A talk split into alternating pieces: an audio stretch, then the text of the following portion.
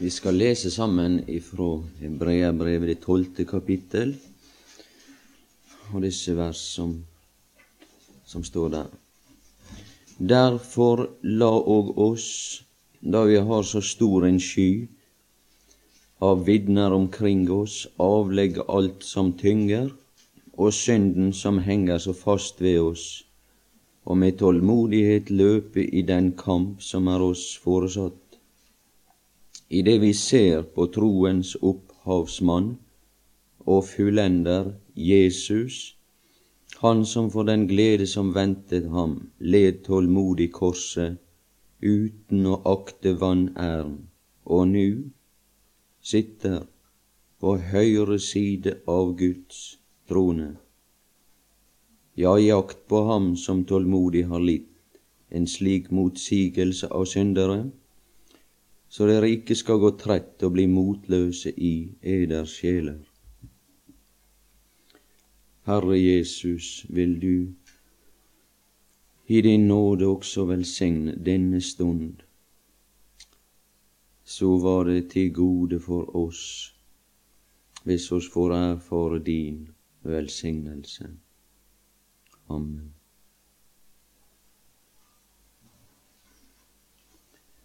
Og nu, på slutten av det andre vers, og nu sitter på høyre side av Guds trone.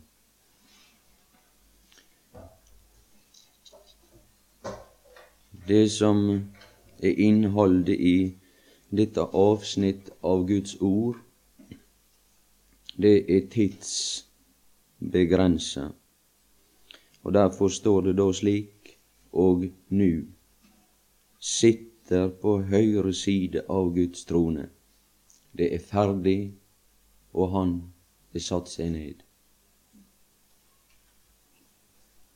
Dette er nu, det er inntrådt for den Herre Jesus, og for på en dag, en time vil det heite det for de som følge etter Han gjennom disse erfaringer som det står om i disse første vers av Hebreabrevet 12. Og nu sitter Han med ham på hans trone. Det var det som var bare en tanke med disse, med disse timer og med dette å lese Skriftene, at vi skulle peke på resultatet av å leve livet på en slik måte. Johannes, ja, vi kunne bare nevne det at jeg kom tilfeldigvis over ei, ei sangstrofe. Jeg, jeg holder ikke med vanligvis der. Det, er, det står over så står det Norten, og det er fra Danmark. Det første sangen som står der. Der satt i fordums tid de harneskledte kjemper, uthvilede fra strid. Så drog de frem til fiendens men. Nu hviler deres bene bak høye bautasten. Men det er litt for lite for de, som, de, de Guds kjemper, at de skal bli liggende og hvile hos en stor og fæl stein som stender oppover dem. Det er altfor lite for den Herre Jesus. Og sine kjemper vil han løfte opp derifra. Det var ei sannhet vi var litt inne på i går. Ja, ja, så hviler de på en, på en annen måte. Men det er ei, ei sak for seg. Johannes 17 og 4 til 5.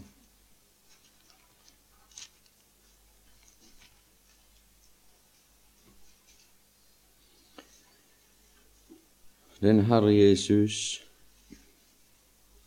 han levde sitt liv i verden. Og så sier han her i Johannes 17, 4,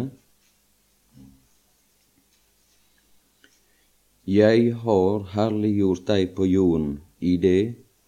Jeg har fullbyrdet den gjerning som du har gitt meg å gjøre, og nu. Da var han nådd til dette punkt, dog ikke i realiteten, men han taler om sin stilling etter fullendelsen. Og nu herliggjør du meg, Fader, hos deg selv, med den herlighet jeg hadde hos deg før verden var til. Det var dette punkt nu herliggjør du meg. Der er ei mulighet for oss at vi kan herliggjøre Guds Sønn på jord. Jeg har herliggjort deg på jorden. I det jeg har fullbyrdet den gjerning som du har gitt meg å gjøre. Han blir den som blir kledd i linklær. Han fullbyrdet den gjerning, alt som han hadde å gjøre, i det han viste oss Faderen. Og det blir ei kledning for Han gjennom evighetene. Han er den første, og han er den største iblant mange brødre.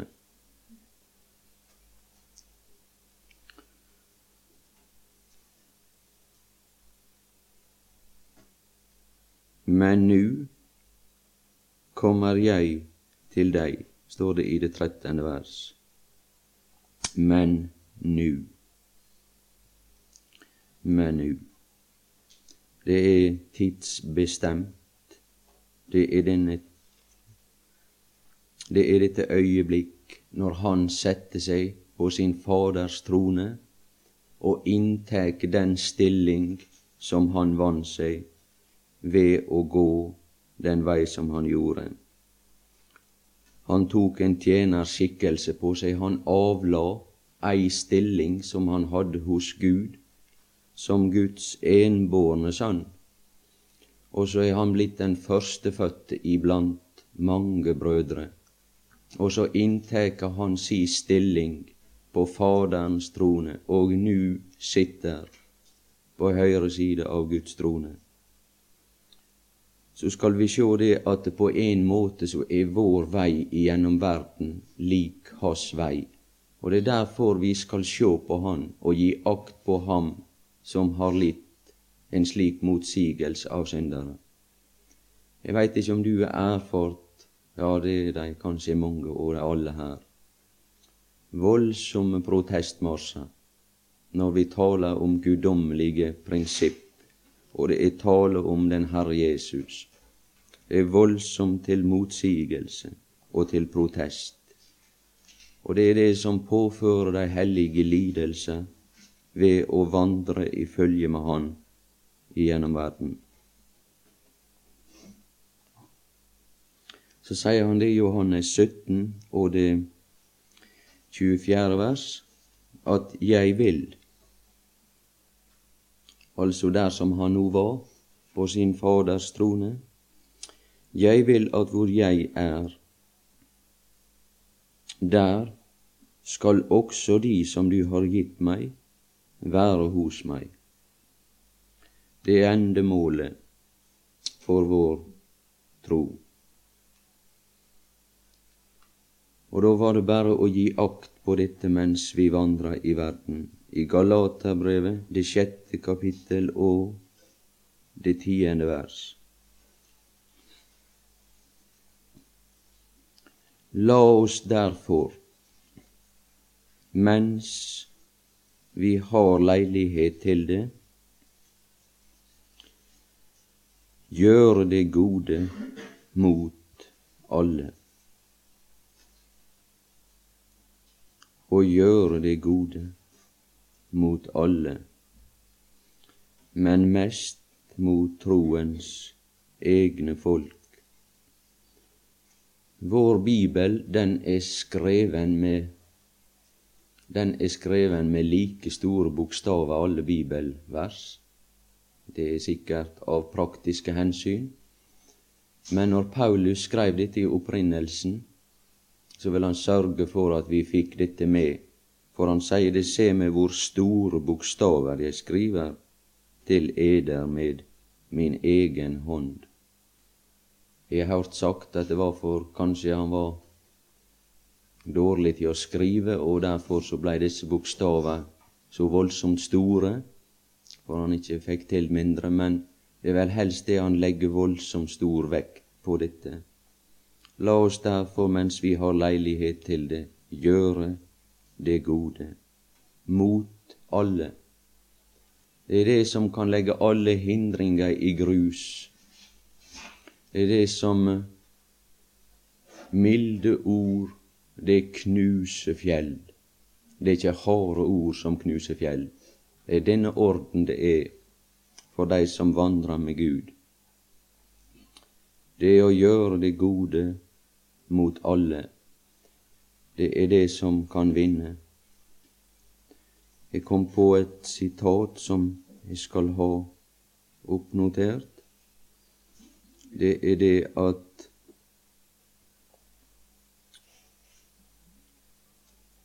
at det skulle stå her at for å vinne For å vinne Det er Aurbekk som, som nevnte det så er det to komponenter i, i det å vinne. Det er kjærlighet og forståelse.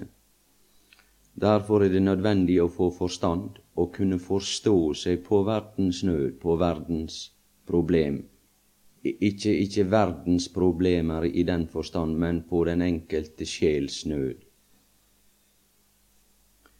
Og så er det heller ikke nok bare å forstå, men det må kjærlighet til for å vinne og elske.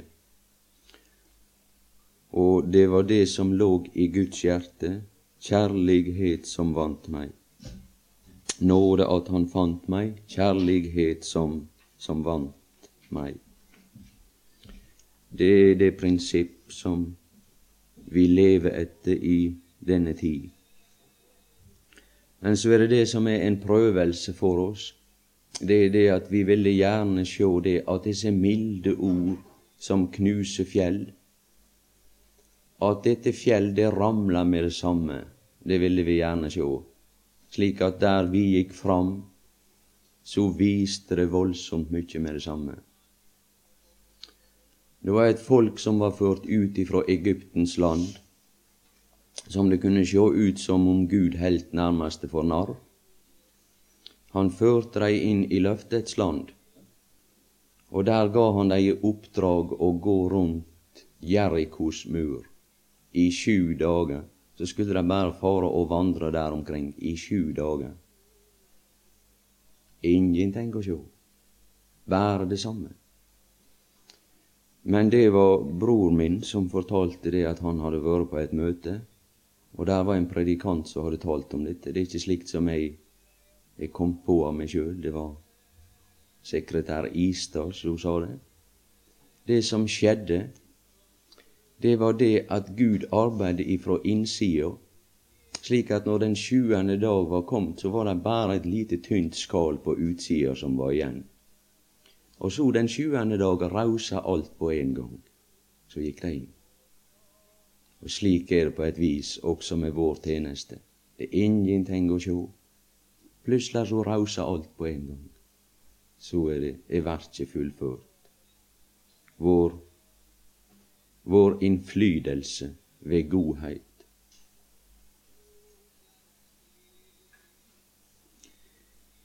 I Predikan 11.1 er et annet bilde.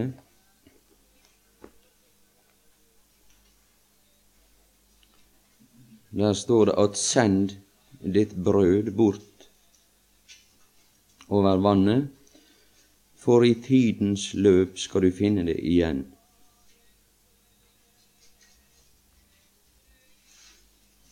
Og det blir bare å henvise til andre. Heime så har vi en nå gammel og utsliten predikant som heter Anders Nes. Han var på Vigra for ei tid sida og, og talte over dette ordet. Og han forklarte det slik at det føltes for disse i Israel kunne føles litt meningsløst. Men når de sådde sitt brødkorn, så var marka der lagt under vatn, slik de kasta bare sitt såkorn utover vatnet, og ingenting mer såg til det. Men i tidens løp skal du finne det igjen. Og det som er når han sår korn, så gir det noe som heiter for fold. Og det er det at ett korn det gir et voldsomt stort resultat og ei rik frukt. Og dette her, det er en, en tekst for seg sjøl. Når han regner i fold, da må, da må han kunne forskjellige av disse regningsarter som de opererer med, disse lærde som er her. her. Jeg skal ikke komme nærmere inn på det. Men det kan bli voldsomme resultat på en slik måte. Og derfor sår vi ut dette korn, og i tidens løp, og nu, når vi sitter der, og vi er sådd ferdig alt,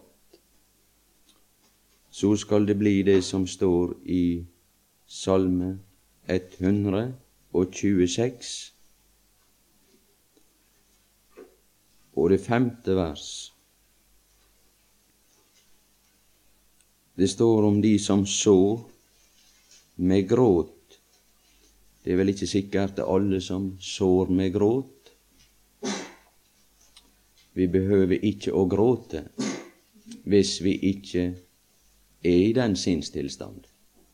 Vi må ikke ta sikte på at vi skal lide for lidelsens egen skyld, det være seg langt ifra.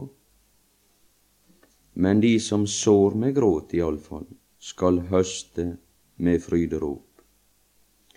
De går gråtende og bærer den sæd de strår ut, de kommer hjem med fryderop og bærer sine kornbånd.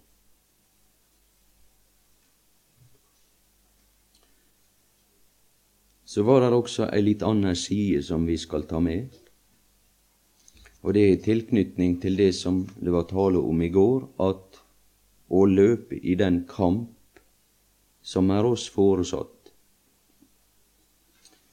Ved å gjøre det gode så møter vi sjelden en voldsom motstand. Men motstand slik at det blir konfrontasjon ut av det, det får vi når vi også skal praktisere en annen ting, som står i andre Tessalonika brev, det tredje kapittel og det trettende vers. Men dere brødre, bli ikke trett av å gjøre det som rett er, å gjøre det som rett er, og håndheve rettferdighet.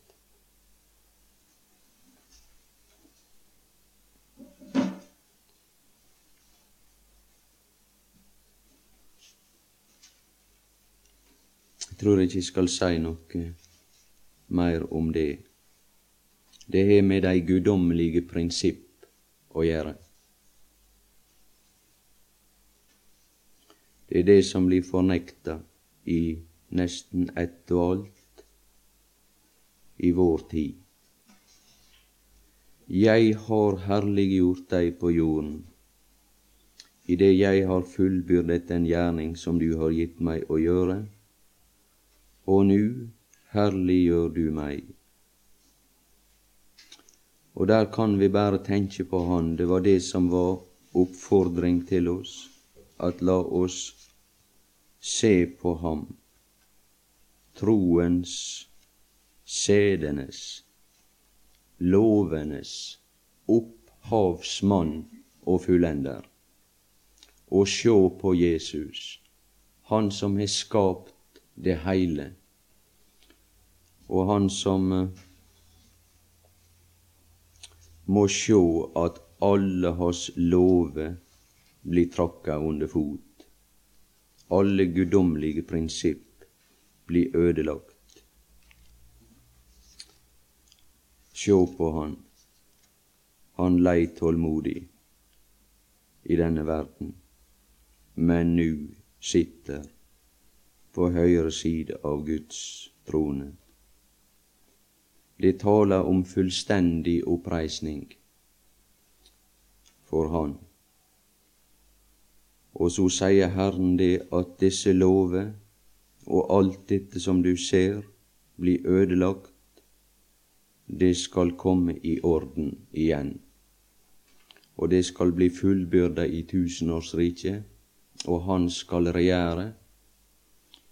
Og nu sitter på høyre side av Guds trone, og da skal det reises også ei trone på den plass som han blei forakta og satt til side.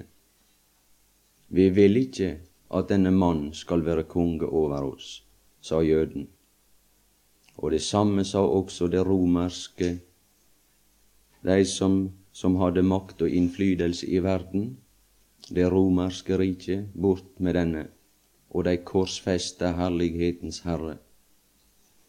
Og derfor er ikke det nok for Gud å gi Han den oppreisning som det er å sitte med Ham på Hans trone skjult for denne verden.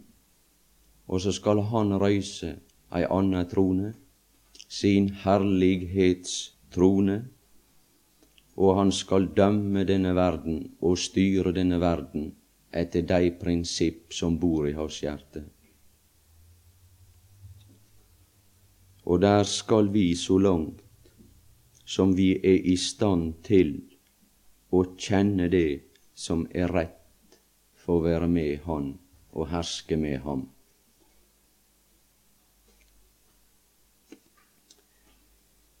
I åpenbaringen det tredje kapittel og det 21. vers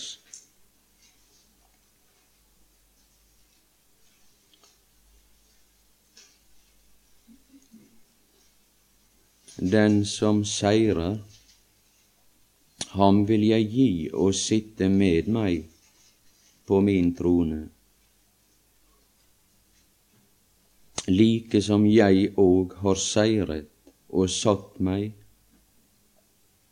med min Fader på hans trone.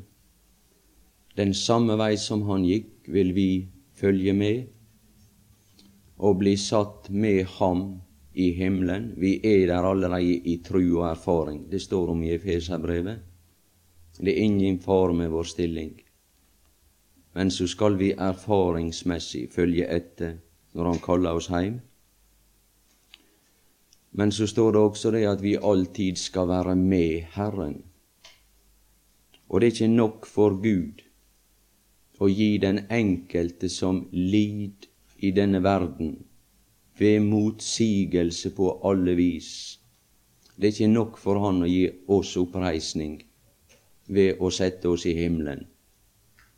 Men han vil ha oss tilbake til det sted der som vi lei ondt, for å demonstrere det at hans prinsipp skal igjennom. Her er disse som skal ha oppreisning og de skal være med Kristus og følge Han. I oppreisning, så langt som vi var med Han i Hans forkastelse. Den som seirer, ham vil jeg gi å sitte med meg på min trone. Og der er det ikke tale om en spesiell innsats for å nå himmelen. Det være seg langt ifra. Det er ingenting med den frelsende nåde å gjøre, å være frelst ifra. Når det er tale om frelse, så er det to hovedpunkt. Det er å være frelst ifra synd og ifra død, men så er det å være frelst til. Å være frelst til. Det er mulighet. Å være frelst ifra, det er det som vi er fjerna ifra, det er dom og fordømmelse. Men så er vi frelst til, og der er det at vi Der er det at der ligger muligheter skjult for oss å være med Kristus. Den som seirer, ham vil jeg gi å sitte med meg på min trone, like som jeg har seiret og satt meg med min Fader på hans trone. Og det står om de i Skriftene som taper lønna, og de som ingenting fikk med.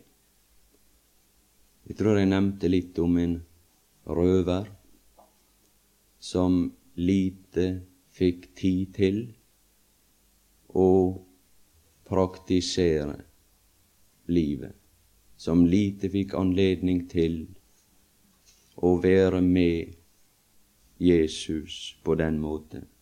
Likevel vil han få si ros for det at han tok imot Guds sønn. Hebreabrevet tolv.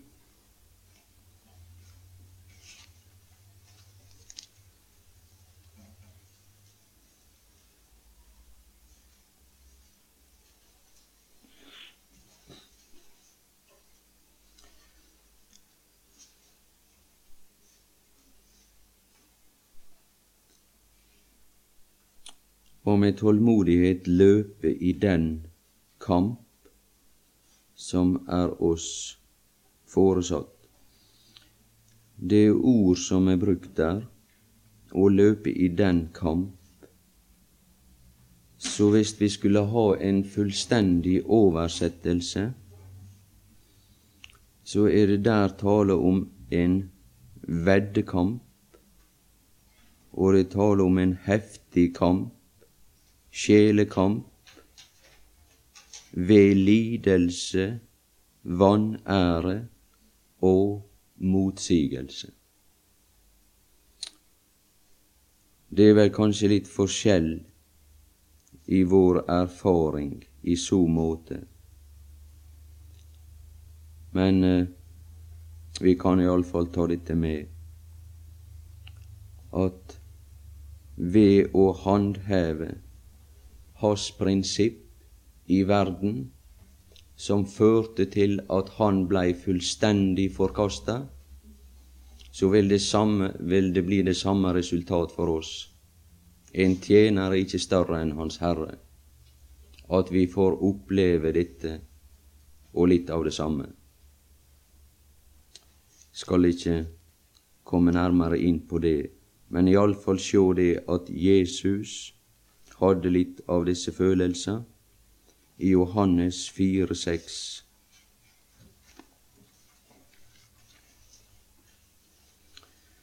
Så sier han det, og der ved, ved Jakobs brønn, Jesus som var trett av reisen. Han var trett av reisen og satt nu der ved brønnen han var trett av reisen, og det står ikke det han var trett etter reisen, han hadde enda et stykke igjen å gå, men så tok han der ei hvilestund fordi han var trøtt. Og så hadde han enda det som var tungt, og mykje tungt som var igjen. I Ruths bok, det tredje kapittel og attende vers,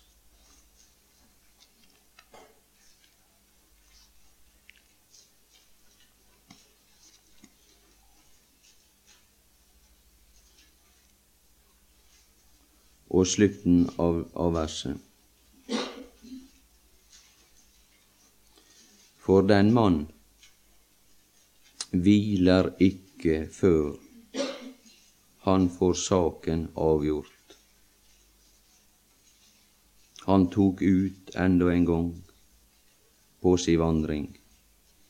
Så fullførte han også det siste stykket av veien, og nu sitter Faderens, på Faderens trone. For den mann hviler ikke før han får saken avgjort. Og saken er avgjort, og det som vi erfarer, vi under prøvetiden her, får av Gud hva nyttig er. Det er bare denne tid som er nødvendig for oss til utvikling. Tid Det innebærer muligheter for å bli til noe som vi ikke var. Det er det tid består av. Det ser vi på alle som blir født. Så er det en dimensjon. Det er tid. Og så blir de til noe som de ikke var. Der skjer ei utvikling. Han er den førstefødte iblant mange brødre. Han var Guds veldige sønn, og det er områder i Guds sønn som vi ikke skal tenke på å nærme oss. Den herlighet som han hadde hos sin Fader før verdens grunnvoll var lagt, som han skal ta igjen. Men den herlighet som han vant seg ved sin vandring i denne verden, som gir han grunnlag for å styre denne verden, og som gir han grunnlag for å herske, det var å dømme. Det var for, for det at han var, blei menneske og fornedra seg sjøl og tok en tjenerskikkelse på seg. Vet dere ikke at dere skal dømme engler, er det sagt om mennesket. Vi skal være med Han. Et barn som blir født, må vekse og få utvikling og bli til noe som det ikke var ved fødselen. Det er, det, det er den dimensjonen som ligger i tida. Og i prøvetiden her vi får av Gud hva nyttig er. Det er denne tid inntil dette punkt som det er sagt om, da tid ikke skal være mer for den enkelte av oss, og nå sitter på høyre side av, av Guds trone. For Guds folk står hvilen tilbake. Hvil er der nu litt, er et uttrykk som vi finner, men vi får ikke hvile oss ut. Det blir ikke før vi kommer til himmelen på feiring, som en sa.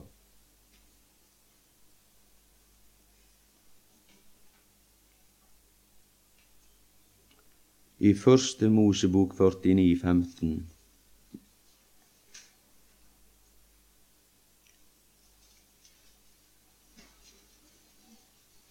og han så at hvilen var god. Han så at hvilen var god, og at landet var fagert.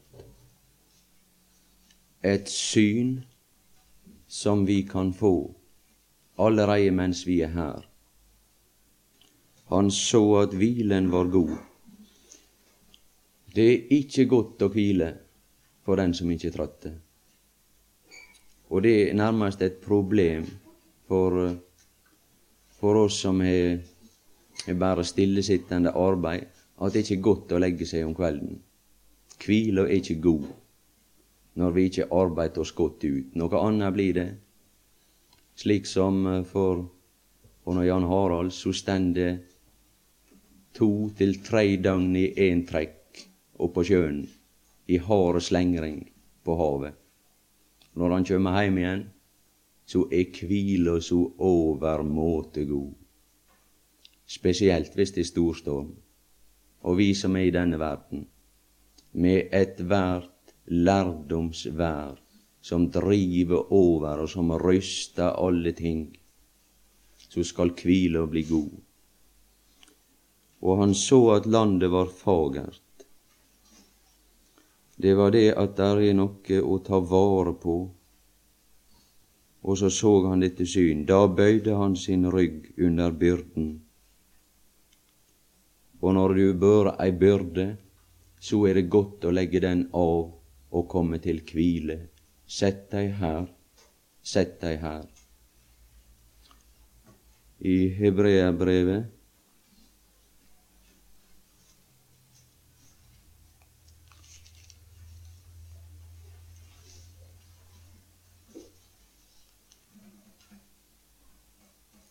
det første kapittel og det, og det trettende vers.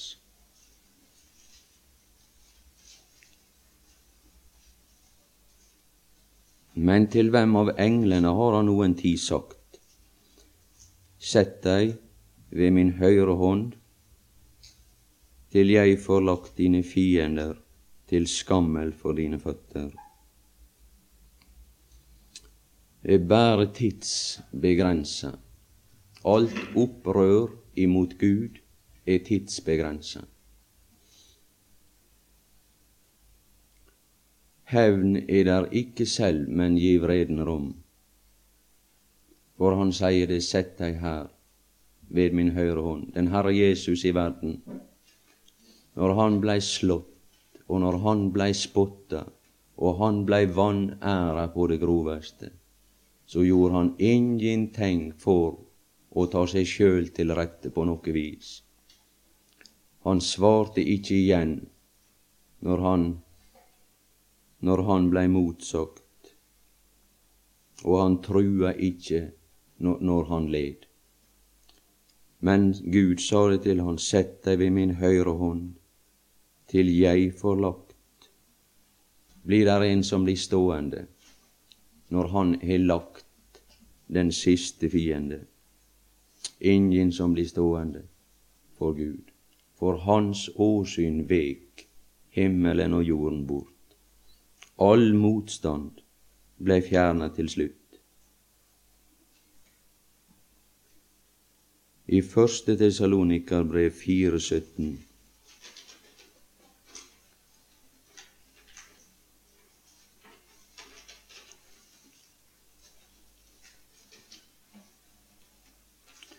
Deretter skal vi som lever, som blir tilbake sammen med dem, de andre troende som er hensovet, rykkes i skyer opp i luften for å møte Herren, og så skal vi alltid være med Herren. Trøsta hverandre med disse ord. Det er etter at alt det blir ei en dag som begynner, når alt har kommet fullstendig til ro og alt er gjenskapt i sannens bilde. Og da skal vi finne ro. Det var sagt om denne, om denne som var død, så var han lagt på denne Guds manns seng. Han kunne ikke hvile, han kunne ikke ligge der og få ro. Men etter at denne sak var brakt i orden, og han var røyst opp ifra de døde, så var der enda en gang hvileplass for, for Gud. Han sa det etter at han hadde skapt himmel og jord, at alt var såre godt. Gud kan aldri hvile fullstendig før alt er såre godt. Han hvilte i sitt verk. Det står i Første Mosebok 1, 31. Men så blei dette verk ødelagt, og Gud kunne ikke ha ro på seg. Denne mann hviler ikke før saken er avgjort. Men så stender der ei sabbatshelg tilbake for Guds folk. For Guds folk er hvilen tilbake. Så ble himmelen og jorden med hele sin hær fullendt. Den nye himmel og den nye jord. Alt blir fullendt. Alle de hellige får sin plass med Han som er den førstefødte, og vi får vår stilling med Han. Så ble himmelen og jorden med hele sin hær fullendt. Og Gud fullendte på den syvende dag det verk som Han hadde gjort og han hvilte, han hvilte på den syvende dag fra all den gjerning som han hadde gjort.